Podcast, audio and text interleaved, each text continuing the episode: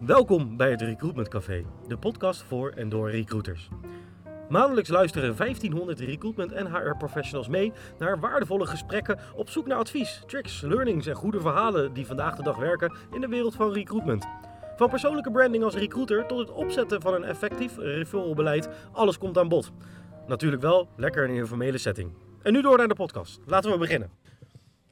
Ja, daar zijn we weer, het uh, Recruitment Café. Maar omdat Time to Hire tegenwoordig ook HR-diensten levert, ga je ook steeds meer HR-onderwerpen horen in deze mooie podcast. En hierbij de eerste. Um, retentie is het nieuwe werven. Goed werkgeverschap in een krappe arbeidsmarkt. Um, zomaar eens een berekening uit de zorg. Vertrek van één vaste zorgmedewerker kost 41.000 euro. En volgens Factory kost het verloop al snel 20% van iemands jaarsalaris. Maar ook na wat onderzoek kwam ik uh, bij een artikel van het AD van juni van het afgelopen jaar terecht. Het ziekteverzuim in Nederland piekte vorig jaar naar 5,6 procent. Dit is het hoogste niveau sinds de eerste meting in 1996. Het verzuim kostte de samenleving ruim 27 miljard euro, wat 9 miljard euro meer was dan 2021. Um, oftewel een uh, goede reden om een goede podcast hierover te maken. Um, ik zit hier met twee HR-specialisten en we hopen je in deze podcast inspiratie, tips, tricks te kunnen geven om hiermee aan de slag te gaan. Want de kosten zijn hoog, maar belangrijker, de H HR, de mensen achter deze cijfers, zijn natuurlijk het aller, allerbelangrijkst. Dus een belangrijk onderwerp en we gaan hierover praten met Axel van Kesteren, HR-specialist bij Time to Hire en Annelot Koon, HR-business partner bij Sana. Welkom. Um, en ik, uh, ja, soms hoor je wel eens over goed werkgeverschap. Uh, wordt vaak gezien als een uh, pizza-sessie in een tafeltennistafel. Maar dan sla je de plank een beetje mis. Wat is goed werkgeverschap?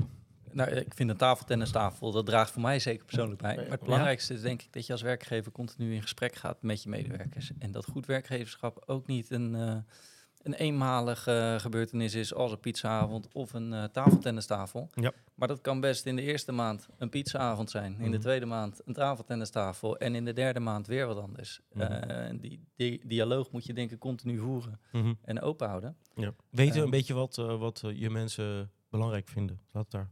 Ja, en dat ook niet vanuit uh, uh, dat ook niet zelf bedenken als manager, directeur van een organisatie met oh, mijn medewerkers die zullen dit wel willen. Mm -hmm. nee, ga daarover in gesprek. Ja. Uh, kijk wat, waar de behoefte ligt. Veel mensen of veel managers, bedrijven denken zelf te weten wat belangrijk is voor hun medewerkers, uh, maar dat misschien niet helemaal helder hebben. Is dat een eerlijke omschrijving? Ik denk dat dat een grote valkuil is. Ja. ja. ja. Ja, ik denk dat het in gesprek gaan met je medewerkers het allerbelangrijkste is. Of dat nou vanuit een managerstandpunt is, een HR-standpunt. De medewerkers zijn toch de basis van de organisatie, die bepalen het. Ja. Uh, en daarin moet je goed naar hen luisteren en kijken wat, uh, wat zij willen en wat belangrijk voor hen is. Dus een stukje goed werkgeverschap uh, gaat je daarin heel erg bij helpen. Mm -hmm. Dat kan natuurlijk op verschillende fronten zijn. Dus wat, wat jij net ook al aanhaalt, een pizza of een pingpongtafel of tafeltennistafel, dat zijn dingen. Maar ja, het is zo breed. En ja, het kan ook, kan ook verschillen. Dus het kan ook per jaar inderdaad uh, veranderen.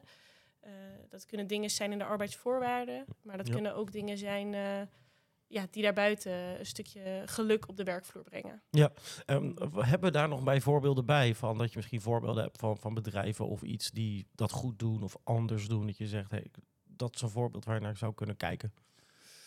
Um, ik denk dat, dat, dat je het goed doet als je niet een, een one-size-fits-all formule hebt. Mm -hmm. uh, en wat we hier bijvoorbeeld bij Time to Hire, we zijn onbeperkte vakantiedagen die je kunt inzetten naar behoefte. Ja. En daar gaat het vervolgstukje denk ik heel erg over. Zeker met de volgende generatie op de arbeidsmarkt, Gen Z. Die is heel erg op zoek naar wat maakt de werkgever voor mij speciaal. Um, en waar vind ik uh, een stukje individuele keuzevrijheid. Ja. ja. Ja, bij Sana doen wij dit eigenlijk ook. Wij hebben daar bijvoorbeeld diversiteitsdagen. Dus wij hebben daar wel ja, een, uh, een, vast aantal vakantiedagen. En ja, je hebt natuurlijk ook in Nederland zit je vaak met de vaste vrije dagen, zoals een Koningsdag. Ja. Maar wij bieden daarin onze medewerkers de vrijheid om ook uh, deze dagen op andere dagen in te zetten. Houdt dat dan ook in dat je mensen hebt, we hebben natuurlijk veel logischwijs vanuit de cultuurachtergrond, christelijke feestdagen, uh, ja. Pinksteren, uh, Pasen, dat soort zaken. Hm. Dat je dan die wijspreken mag in, inruilen uh, voor, voor je offerfeest of, of even vanuit exact. andere geloofsovertuigingen. Ja, ja, ja, we zijn er in een heel internationaal bedrijf. We hebben voor mensen vanuit alle kanten in, in de samenleving. Dus daarin proberen wij ook flexibel te zijn naar onze medewerkers. Ja. Uh, andere soort voorbeelden, dat je zegt van joh, uh, kijk hier nou eens naar. Het is gewoon low-hanging fruit als organisatie en het zorgt misschien al Ja, ja, wat wij bijvoorbeeld ook doen is dat wij belonen loyaliteit. Uh, dat doen we op verschillende manieren, maar ook uh, doen wij dat door extra vakantiedagen uh, te geven. Mm -hmm. Eigenlijk hoe langer je binnen de organisatie actief bent, krijg je eigenlijk een extra vakantiedag bijvoorbeeld bij op jaarbasis. Oh, wat interessant. Is het dan ook zo, na hoeveel jaar gaat dat gelden? Of hoe dat werkt gaat dat? na drie jaar gaat dat gelden. En dan krijg je er elk Eén, jaar, een, jaar ja. een dag bij, zeg ja, maar? Ja, exact. Tot okay. wel een maximum van zeven dagen, maar dat, okay. dat, dat, tikt dan toch lekker aan. Ja, Dus, dus als je tien jaar in dienst bent, zit je denk ik aan die maximum van zeven dagen weer exact. erbij. Uh, ja. Oké, okay, goed, goed. Jij nog voorbeelden, Axel? Yes, een ander voorbeeld is uh, denk ik certificaten die je zou uh, kunnen krijgen of uh, kunnen mm. kopen na een x aantal dienstjaren. En waarbij je de mogelijkheid krijgt om elk jaar weer meer certificaten mee, mm -hmm. te, meer certificaten te kopen. En daarin ook elk jaar mee profiteert in de winst van een organisatie. Mm -hmm. Um, maar ik denk een, een, een nog belangrijkere die, die je veel eerder kan doen, is een open feedback cultuur. Mm -hmm. Waarin je positief uh, gedrag dat je ziet op de werkvloer uh, benadrukt. En dat je gaat leren van elkaars fouten en dat fouten maken mag. Ja. Dat je daar geen zorgen over hoeft te maken. Maar heel veel bedrijven zeggen dan dat ze een positieve, of in ieder geval feedbackcultuur uh, hebben. Ja. Uh, het zeggen en het daadwerkelijk hebben zijn natuurlijk ja. wel, wel twee. Wat zijn nou, uh, stel nou dat je aan het solliciteren bent naar een nieuwe baan. Hoe kom je er dan stiekem toch wel achter dat, dat een bedrijf echt zo is? Goeie vraag. Ik denk in eerste instantie vragen hoe successen gevierd worden. Ja. En, en dat is denk ik een goede vraag om, om, om te kijken uh, hoe die feedbackcultuur in ieder geval in positieve zin is. Mm -hmm. Maar ook vragen wat grote leermomenten zijn geweest als je met een, uh, een manager uh, in gesprek bent die, waar, waar, jij straks voor zou gaan werken, om maar even ja. wat te zeggen. Of, hoe heb je een lastige situatie in het verleden aangepakt? Ja. Um, hoe wordt er omgegaan met falen? Hoe wordt er Fouten, zo ja. ja. ja. Hoe, hoe, leer je daarvan? Ja. ja. hier doen we als fuck-up nights. Ja. Uh, dat we gewoon open en eerlijk vertellen over wat de fout is ja. gegaan. Uh, en nog een ander voorbeeld. Wij sluiten hier de week af met de weekly. En daar hebben we shout-outs. Dat we even, uh, als je nog iemand een zonnetje wil ja. zeggen, even hey, goed gedaan. Maar ook de fuck-ups. Ja. Um, dus elke week worden er ook hier en daar wel wat fuck-ups gedeeld. Um, en ik denk dat dat gewoon ook wel heel belangrijk is als het gaat om die open feedbackcultuur. de vrijheid voelen, of de veiligheid voelen om, om fouten te maken, maar dan ook te delen. Want dat is dan soms ook nog wel eens een dingetje. Zeker. Ja, maar, maar, maar ik denk dat je wel een goede voor, uh, voorwoorden zegt. Eerst dat je weet dat je een fout mag maken. Dat je daarop niet uh, direct op straat zet. Of dat je binnen je proeftijd of dat je contract Mhm. mm -hmm. niet wordt verlengd omdat je iets bent vergeten een keer op een willekeurige dinsdag. Um, het vervolgstukje is delen. En ik denk het derde punt om er dan gezamenlijk ook uh, van te leren dat die fout niet telkens elke week in en, uh, en uit nog Ja. een keer wordt gemaakt. Ja. Ja. En iedereen zegt altijd zo mooi, oh, je, moet, uh, je leert door te falen. Ja. Maar uh, heel vaak wordt falen nog steeds een beetje onder het tapijt geschoven. Ja, je bent denk ik nooit echt heel trots op je grootste misstap. Terwijl je grootste succes, die, die heeft iedereen op Ja, zijn cv staat op LinkedIn, uh, Ja. kan je overal zien. Ja, ja, zouden we dus ook zo open moeten zijn over ons falen dan? En dan zou de leiding daarmee moeten beginnen van je bedrijf?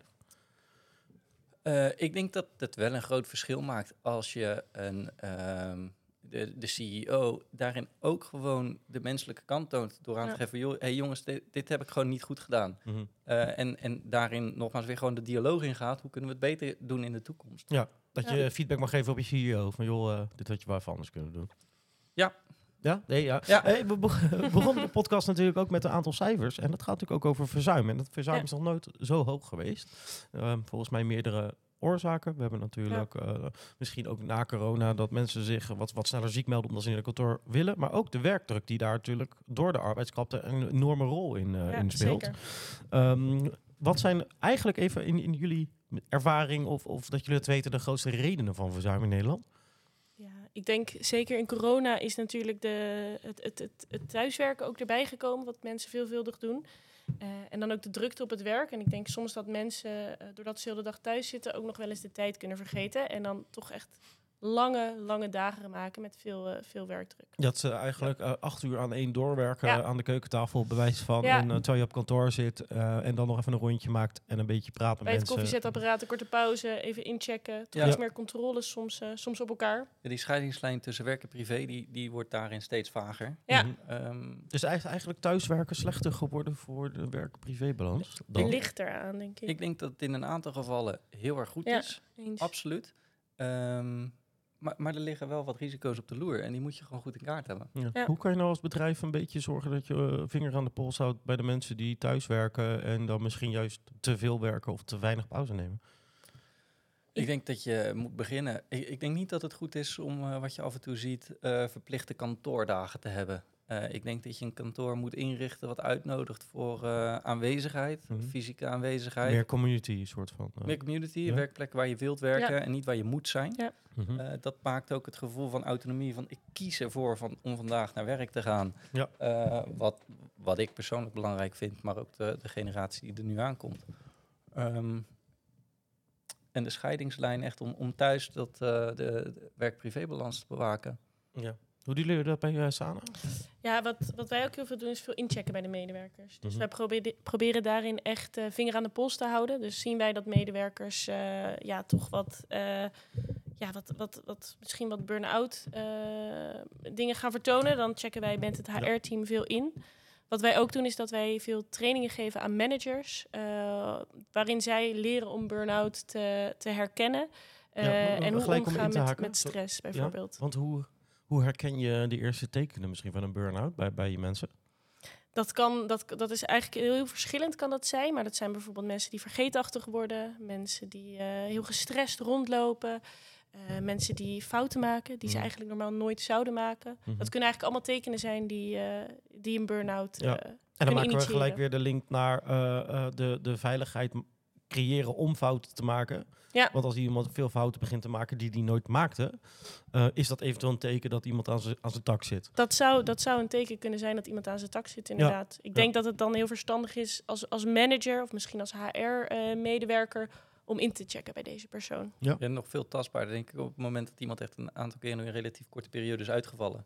Daar, exact, daar ja. kan je gewoon zien, nou, drie keer in zes maanden, terwijl dat in de afgelopen vijf jaar nog nooit is gebeurd. Mhm. Ja. Maar dat is echt wel teken om, om even wat, wat dieper in te gaan en het, en het goede gesprek te voeren. Ja. En niet foei, je bent afwezig geweest, maar gewoon joh, hey, we zien iets wat, wat we niet bij herkennen. Is, is er iets aan de hand? Kunnen Ja. we wat voor je Ja. doen als organisatie zijn? Ja. Wat is Ja. de rol van de werkgever of HR als het gaat om de geestelijke gezondheidszorg van, van je medewerkers? Eh, ik, ik- facilitator. Ik denk dat je eh, het gesprek altijd aan moet gaan. En, en, en dat geldt voor een eh, manager. En als HR-afdeling, het ligt er een beetje aan hoe de, hoe de organisatie is opgesteld. Vaak bij een stafafdeling. Ja, dan moet je zorgen dat de managers over eh, de goede gesprekstechnieken beschikken om dat gesprek aan te gaan. Eh, of dat je contracten afsluit met partijen die interventies aanbieden voor de geestelijke gezondheidszorg. Om de fysieke of eh, geestelijke gezondheidszorg, maar ook interventies die eh, gericht zijn op budgetcoaching of om eh, fysieke klachten Ja, tegen te ja. gaan. Ja, budgetcoaching zeg je heel precies. We, we zitten misschien wel in een tijd dat zelfs mensen die eh, veel en hard werken Ja. niet rondkomen. Ehm, de budgetcoach is ook wel iets natuurlijk wat heel veel met mentale gezondheid te maken heeft. Want volgens mij is het niks stressvollers als je bij spreken niet rond eh, kan komen. Ja. Eh, zijn er nog meer voorbeelden? Want je zegt heel terecht van joh, eh, bied wellicht psychologische hulp aan vanuit de Ja. organisatie. En ik denk dat het wel altijd een, een, een lastig is, maar ik denk dat je de mogelijkheid heid moet bieden. Mhm. Dus dat je eh, een samenwerking aangaat met een partij. En niet dat je als werkgever op de stoel gaat zitten van een behandelaar, want je moet hierheen gaan. Nee. Maar wel van, joh, we zijn echt meer dan alleen je salaris. We vinden het belangrijk dat het goed met je gaat. En als je wil, kunnen we dit voor je inzetten. Ja. En dan hoef je geen zorgen te maken over de extra kosten die daarmee ge- Nee. eh, gepaard gaan. Ja, want mensen, zien natuurlijk, oh, eh, dat kost allemaal geld. Ja. Maar als je dan terugkijkt naar die kosten die het maakt als iemand uitvalt, Mhm. Ja. dan, eh, want volgens mij moet je in Nederland twee jaar doorbetalen. Ja, ik even dat klopt. Minimaal. Ja, dus, dus dan kan je inderdaad eh, Voorkomen is dan beter. eh, dan genezen, Ja. inderdaad. Ja. ja. Want ehm, is het al heel gebruikelijk naar jullie weten dat dit een mogelijkheid is bij organisaties? Want ik heb dit gevoel dat dit echt alleen bij de echte grote multinationals misschien een optie is. Het is wel iets dat heel erg opkomend Het, is. ja, het is heel erg opkomend. Dat zien, eh, dat zien wij ook inderdaad. En ik denk dat ja, de nieuwe generatie die eraan komt ook steeds meer daar wel ook naar vraagt en ook naar Ja. durft te vragen. Waarin je ziet Mhm. dat het voorheen misschien ook meer was dat mensen zich daar niet over uitspraken. Dat Ja. het toch meer een, eh, een De generatie van was. onze ouders zou niet zo snel over mentale gezondheid Nee, ik denk dat het toch iets is wat meer, eh, meer, meer Ja. opkomend is om daar open over te zijn. Ja, wat ja. een goede, goede ontwikkeling is. Dat denk ik ook. Maar ook de, de medewerkers die eh, zijn wat mondiger geworden. Ik weet Ja. nog dat ik toen eh, bij mijn eerste werkgever in dienst was, dat ik een eh, overstap wilde maken. En dat ik met, met mijn oma besprak. En die zei, weet je dat wel zeker? Je hebt nu een baan, hè? Ja. Ja. Eh, en dat ik dacht, ja, maar dit is niet het werk waar ik gelukkig in word. Mhm. Eh, en dat, dat is echt een compleet andere manier van denken als die je nu ziet. Ja. ja. het is lastig om met uh, misschien oudere generaties dit soort dingen te bespreken, omdat die totaal anders in het, in het leven staan. Meer voor zekerheid, financiële veiligheid, uh, pensioen opbouwen gaan, terwijl de huidige generatie veel meer op werkgeluk en uh, ja, ik denk veiligheid of psychologisch geluk. Of... Toegevoegde waarde ook, ja. denk ik. Ja. dat een hele belangrijke factor is. Ja. Dus inderdaad, wat je eigenlijk zegt, bedrijven uh, moeten inmiddels wel echt zover zijn dat ze wel van meer dan de salarisstrook uh, zijn. Ja, of zeker. Die zeker. rol zijn, zeg maar. Ja, ja. Andere voorbeelden nog, wat je als, als werkgever nog kan toevoegen um, aan, aan dit verhaal, zeg maar? Voorbeelden? Nou, nou je zei net, ging het nog even over het stukje thuiswerken. En ik denk dat een groot stuk wat, wat, wat, je, een, kleine verandering die, die uh, een grote verandering teweeg kan brengen, mhm. is het uh, inschieten van uh, vergaderingen niet van een uur, maar van drie kwartier of vijftig minuten. Ja, een hele goede. Normaal ging je van overlegkamer naar overlegkamer. Mm Ja, dat, nu zit je achter je computer. Ja, kom nog even langs de wc. Ja, en het gaat door. En als je daar een kwartiertje tussen hebt, dan, dan dwing je iemand echt wel om even nog koffie thee te pakken. Je geeft daar wat meer ruimte voor. Ja. ja. Ja. Uh, dit, zijn, dit zijn heerlijke tips waar je gelijk wat mee, mee kan. Uh, als we toch in die flow zitten, hebben we er nog een paar. Ik, ik sluit me helemaal aan bij deze tip. Dit is echt, dit kan je ook helemaal, helemaal automatiseren. Dat hebben wij ook gedaan. En je merkt dat dit echt heel veel doet. Het, het, geeft iedereen meer lucht. Je kan je misschien nog snel inlezen voor, een nieuwe, voor de nieuwe meeting. Snel een kopje koffie halen. Uh, maar als we ook over thuiswerken blijven, op dat onderwerp blijven, ik denk wat ook een goede extra benefit zou kunnen zijn om dat werkgeluk te vergroten, is bijvoorbeeld de mogelijkheid om ook remote te werken voor een bepaalde periode. Mm -hmm. uh, wij hebben een hele internationale organisatie en je ziet dat medewerkers uh, toch ook heel graag bijvoorbeeld met, met een kerstvakantie een week daarvoor eraan vastplakken om even nog alvast vanuit Frankrijk te werken of vanuit Spanje. Dat maakt eigenlijk helemaal niet uit waar ze vandaan komen. Mm -hmm. Wij bieden die mogelijkheid aan om, om drie weken per jaar vanuit een remote locatie, maakt niet uit waar je, waar je zit, mm -hmm. te werken. En je ziet dat medewerkers er ook heel positief op reageren. Ja, ja wat, wat, voor functies hebben we het dan, uh, dan over? Want het is natuurlijk soms met tijdsverschil nog ja. wel even een dingetje. Ja, natuurlijk. het is altijd natuurlijk wel goed overleg uh, met een manager, maar je ziet eigenlijk. Uh, wij zijn ook een internationaal bedrijf, dus we hebben die, dat geluk dat wij met verschillende tijdzones werken. En in je team bestaat vaak ook uit een internationaal team. Dat dat echt heel erg mogelijk is. Uh, wat je soms ziet is dat mensen toch uh, dan ja, zelf wat eerder willen beginnen, zodat ze aan het einde wat meer ja. hebben aan hun dag. Ja. Uh, omdat ze dan ook tijd, meer tijd met familie kunnen, kunnen besteden. Dus om daarin ook flexibel te zijn. Dus flexibel met, met waar iemand werkt en dan ook de uren die iemand op zo'n dag, zo'n dag maakt. Wat ik me dan bedenk, want je zei net heel terecht van, ja, je moet een beetje af van one size fits all. Ja. Uh, ja. Want dat, dat gaat misschien gewoon niet meer, want het zijn allemaal individuen met uh, wensen, behoeften die, die, die mm -hmm. anders zijn.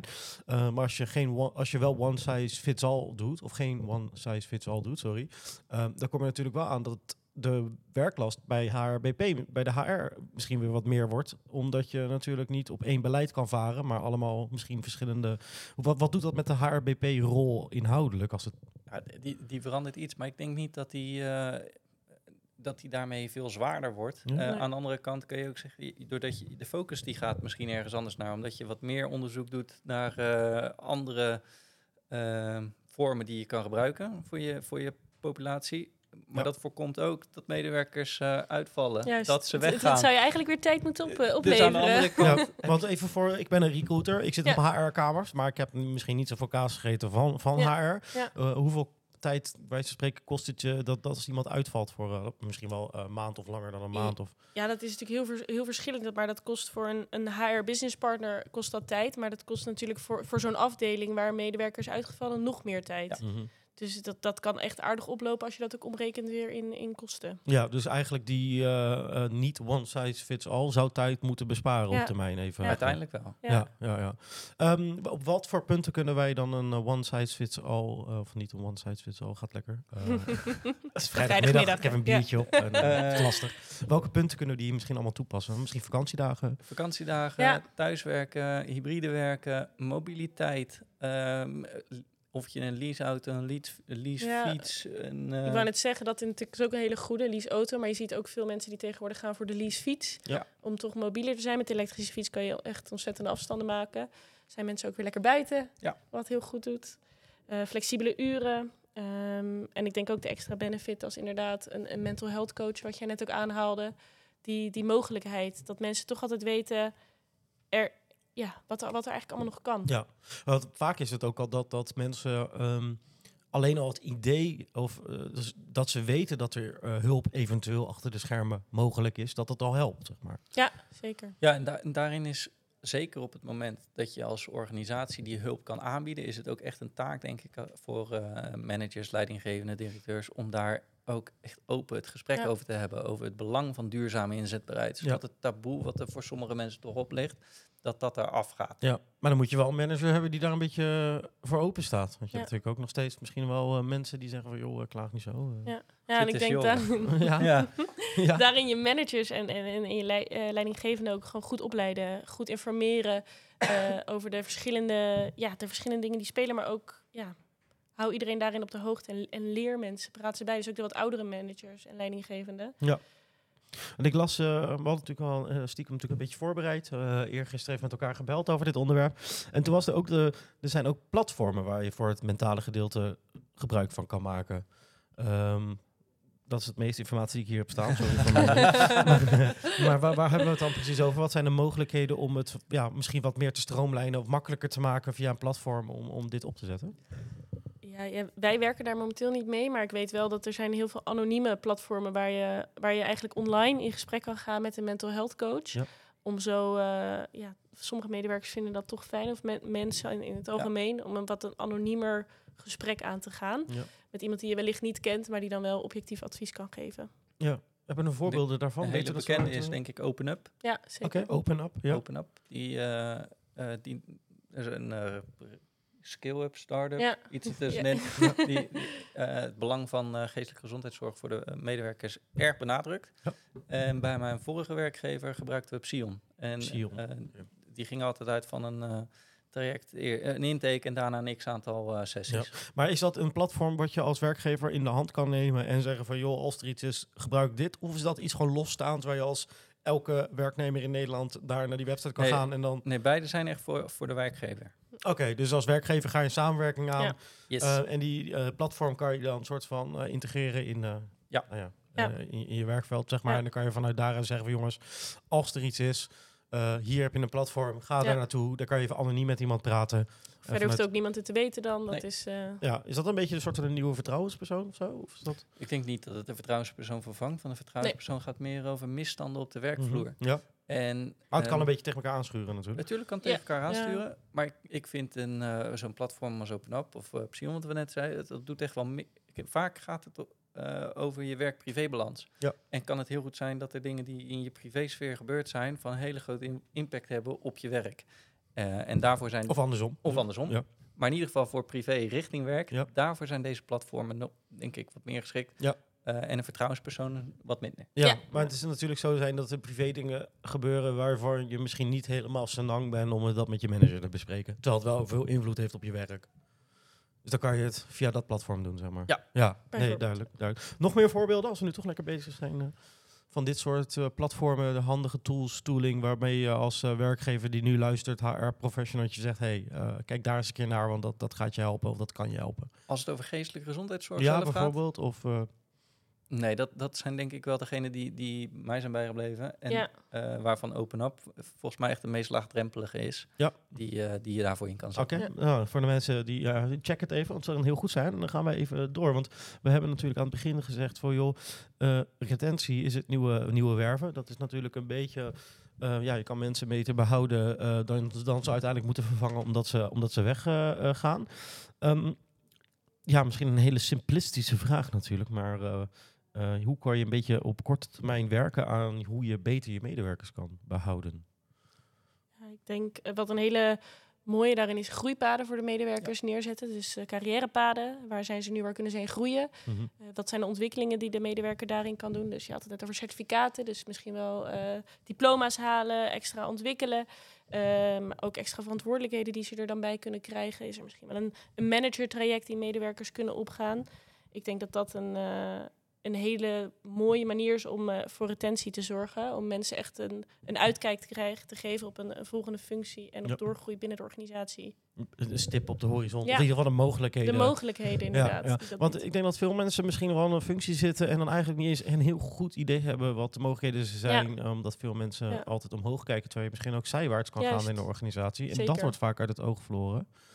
Ja, als daar je ambitie ligt. En daar kom je maar op één manier achter. En dat is wederom gewoon het gesprek aan te Ja. gaan. Ja. En, En, en, het is allemaal zo simpel vaak. eh, gewoon het gesprek klinkt zo aangaan, makkelijk maar klinkt zo allemaal. makkelijk. Blijkbaar gaat het nog niet eh, overal heel goed. Want het verloop, eh, het is nog niet ja, jur van het in Nederland, zeg maar. Nee, maar dat betekent niet per se dat, dat het gesprek niet wordt gevoerd. Soms heeft een organisatie die mogelijkheid ook gewoon niet om, Mhm. om, om een functie te creëren. Ja. Ehm, nou, dan, dat, dan moet je denk ik als werknemer ook gewoon ergens anders gaan. En soms ga je met pensioen. Ja. Nou, wordt ook onder verloop gezet, maar dat is natuurlijk verloop. Dat Ja. hoort er gewoon bij. Ja, dan krijg je gewoon hoog verloop de komende tien jaar. Denk ik, ja. Nou, die wordt, die wordt wat groter. ja, Ja. Dat is een ding dat zeker is. en je hebt natuurlijk eh, dat eh, veel managers zeggen... ja, maar ik wil helemaal niet dat je naar een ander team gaat... want eh, je doet het zo goed hier. Ik wil je eigenlijk helemaal niet kwijt. Ja, Nee, maar dan denk ik dat de manager ook goed, eh, goed moet nadenken. Want dan, als de medewerker gaat, dan denk ik vanzelf eh, de deur uit.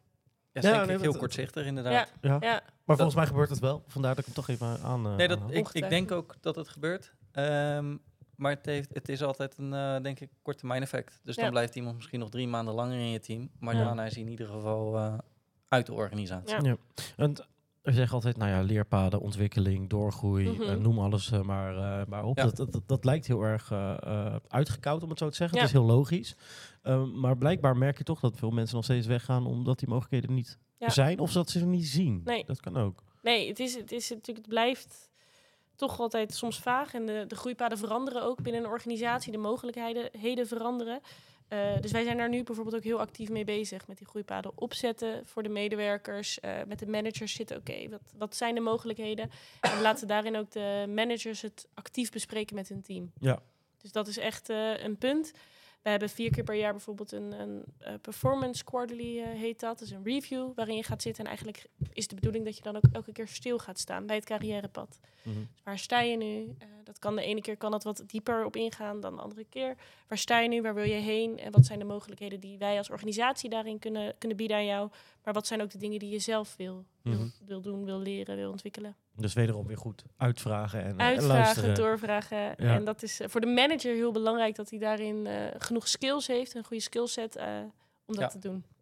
Ja, want soms zijn die, je hebt medewerkers die hebben een heel helder doel voor ogen. Ja, En daarin ga je als eh, leidinggevende manager vooral mee zitten met hoe kunnen we ervoor zorgen dat jij je doel gaat behalen. Mhm. Eh, en anderen die, die hebben er wat meer moeite mee om dat doel te formuleren. Ja. Ja. daar heb je een ander gesprek mee. Ja, Ja. nee, ja, daar zit er eentje voor je. Ehm, want ik zeg maar, ik weet niet eens wat ik vanavond wil gaan eten. Ehm, het, meer het type van, ik ben communicatie gaan studeren omdat ik niet wist wat ik wilde worden. Ja. En ik ben recruitment ingerold omdat ik niet wist wat ik wilde worden. En het is gelukkig een heel fijn vakgebied gebleken. Maar Ja. ik vind het zelf altijd heel lastig om te bepalen van, ja, waar wil ik dan heen?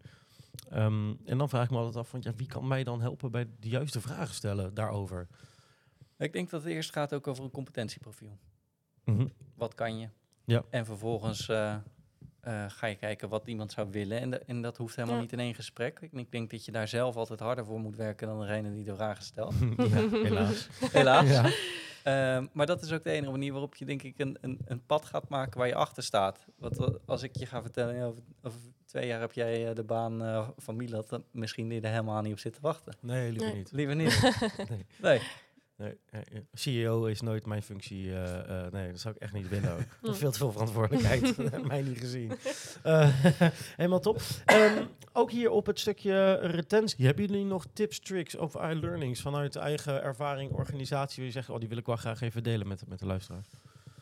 Ehm, het gaat dan eh, wederom, denk ik, weer om eh, het gesprek. Erkenning, waardering op het moment dat er eh, prestaties eh, goed zijn. Benadruk dat, ga erover in gesprek. Ja. Ehm, zorg dat de functie uitdagend is. Dat medewerkers Ja. niet alleen al achter, achteruit hun stoel ehm, in, in de helft van de tijd alles kunnen uitvoeren. Hm. Ga dan vooral kijken naar wat, wat- je als organisatie of als manager eh, mogelijk nog extra kan beleggen bij die medewerker. Ja, ik denk duidelijkheid inderdaad in, in de mogelijkheden die daar zijn, maar ook de flexibiliteit om met de medewerker mee te bewegen. Wat, wat, waar is de medewerker naar op zoek? Wat, wat wil de medewerker daar? Stel de juiste vragen. Eh, en daarnaast sluit ik me ook helemaal aan bij jouw punten, inderdaad. Vier de successen eh, en, en houd zo de engagement ook eh, hoog. En dan is het allemaal heel leuk en aardig, maar uiteindelijk moet je natuurlijk ook wel een beetje kunnen meten om te kijken of alles wat je doet natuurlijk wel Ja. succesvol is. Dus als je dan bij het laatste punt soort van aankomt, als we het e- hebben gehad over werkgeverschap, verzuim, retentie, en dan kom je natuurlijk ook bij analytics uit. Ja. Want het is natuurlijk allemaal heel mooi en aardig, maar als je niet eh, weet wat je doet en wat voor effect het heeft, is natuurlijk ook steeds lastig om het misschien te verkopen aan hoger raf die misschien helemaal geen zicht op hebben op dit soort onderwerpen. Ja. komen we bij analytics uit. Ehm, ja, wat, wat, wat wil je meten? Wat moet je weten? Ehm, en, en hoe? En zijn er platformen of, of tools daarvoor? Nou, Annelot die zegt net al in het laatste woord, engagement. Ja. Ik denk dat dat uh, um, een van de belangrijkste pijlers is om, om medewerkers tevredenheid te meten. Ja. Dus niet gewoon tevredenheid meten, maar de engagement meten. Ja, ja de engagement zegt gewoon net iets meer over... Uh, het is gewoon de betrokkenheid van de medewerkers. En op het moment dat de betrokkenheid hoog is, dan, dan is de tevredenheid over het algemeen ook hoog. Ja. Maar vice versa is die correlatie gewoon wat lager. En daar is een, uh, een platform dat ik ken, Elective, uh, Thomas Visser, ik weet niet of je hem ook kent, het Hellevoetsluis. Oh, we hebben hier een Hellevoetsluis onder rondje. Ja, het is allemaal één, één pot nat. Ja. uh, die werkt en dat is een heel fijn platform waarin je de engagement van de medewerkers over een langere periode kan meten. Kan je als manager fantastisch inzicht over krijgen. Ja, en, en als we het over engagement hebben, welke punten horen daar dan bij, zeg maar? Ik vind het misschien nog een beetje een containerbegrip, maar... ja, dat is heel breed. Dat engagement heeft echt heel veel verschillende raakvlakken. Uh, wij werkten hiervoor met een uh, platform dat heette Office Vibe. En die stelde om de twee weken eigenlijk een, een verschillende set vragen. Ja. Wat, uh, ja, wat medewerkers ook elke keer weer anders aan het denken, denken zetten. Met op een andere manier het, ja. het meten. Dus relatie met medewerkers, relatie met management. Is iemand nog blij in, zijn, in zijn baan, werkplek? het heeft echt heel veel verschillende facetten. Nou, ik keek nog even Axel aan. Ik wist even niet meer dat ik wilde vragen. Dus ik hoop dat, dat met mijn blik je vraag weer terug had. ja, ja, ja, precies. Uh, want inderdaad, dus engagement is eigenlijk belangrijker dan echt de tevredenheid. Uh, omdat die engagement meer zegt dan puur alleen tevredenheid. Ja, dat was denk ik wel een prima samenvatting. En op het moment dat die hoog zit, dan kom je denk ik weer terug bij het goed werkgeverschap om het hele rondje weer te maken. En dan mhm. zit je op de, op de goed, uh, aan de goede kant van de human value chain. Ja. Mm -hmm. Waarin als je goed zorgt voor je medewerkers, je medewerkers goed voor je klanten zorgen en je klanten komen weer langer uh, en vaker terug bij jou als organisatie. En dat Oftewel hogere omzet en productiviteit. Ja. Op. Ja. Jij maakt hem even Kijk, af. dat is het rondje. Ja. Oh, nou, dan vind ik ook gelijk een hele goede afsluiter. Als we, een heel, we hebben nu eigenlijk het cirkeltje rond uh, ja. gemaakt. Um, dus we hebben het inderdaad gehad over goed werkgeverschap. Wat uh, natuurlijk meer is dan alleen die pizza- en tafeltennis tafel. Dan kom je uiteindelijk ook heel even hebben over verzuim. Hoe ga je daar, daarmee om? Hoe wat kan je daar zorgen dat het beter kan? Wat zijn de mogelijkheden om, uh, om bijvoorbeeld een platform in te zetten als het bijvoorbeeld om mental health uh, gaat. Um, wat natuurlijk zorgt uiteindelijk weer waarschijnlijk voor een betere retentie. Dat mensen langer blijven. En als mensen langer weer blijven, dan kom je weer bij punt, of in ieder geval de analytics uit. En dan kan je weer vanuit punt 1 verder gaan, omdat je goed werkgeverschap hebt. En dus weer uh, betere, gelukkige klanten, mensen, productiviteit en omzet hebt. Dat is dat de samenvatting van deze half uur. Uh, ja. Nou, en dat het wel echt een doorlopende loop is. Ja. Mm -hmm. Het is ook niet als je hem één keer doorlopen hebt, dat je zo hop in je handen kan klappen en dat het klaar nee. is. Ja. Mm -hmm. Nee, het is een ongoing. ongoing. Het is eigenlijk iets wat altijd, uh, wat altijd bezig is en waar altijd dingen in veranderen. wat altijd bezig is. Top. Mag ik jullie hartstikke bedanken voor jullie tijd, uh, Annelot. En dan Axel, bedankt voor de tijd. En dit was de eerste van uh, de HR-onderwerpen. Een beetje onderwendig voor mij, want ja, ik ben natuurlijk gewoon recruiter. Maar ik hoop dat jullie het waarderen, dat ik heel erg mijn best heb gedaan hierop. mag ik jullie bedanken voor de, voor de tijd. en als jullie het een leuke podcast vinden, dan mag je er natuurlijk een sterretje of 4, 5 voor geven. En, en anders weer tot de volgende. Dankjewel. Hoi.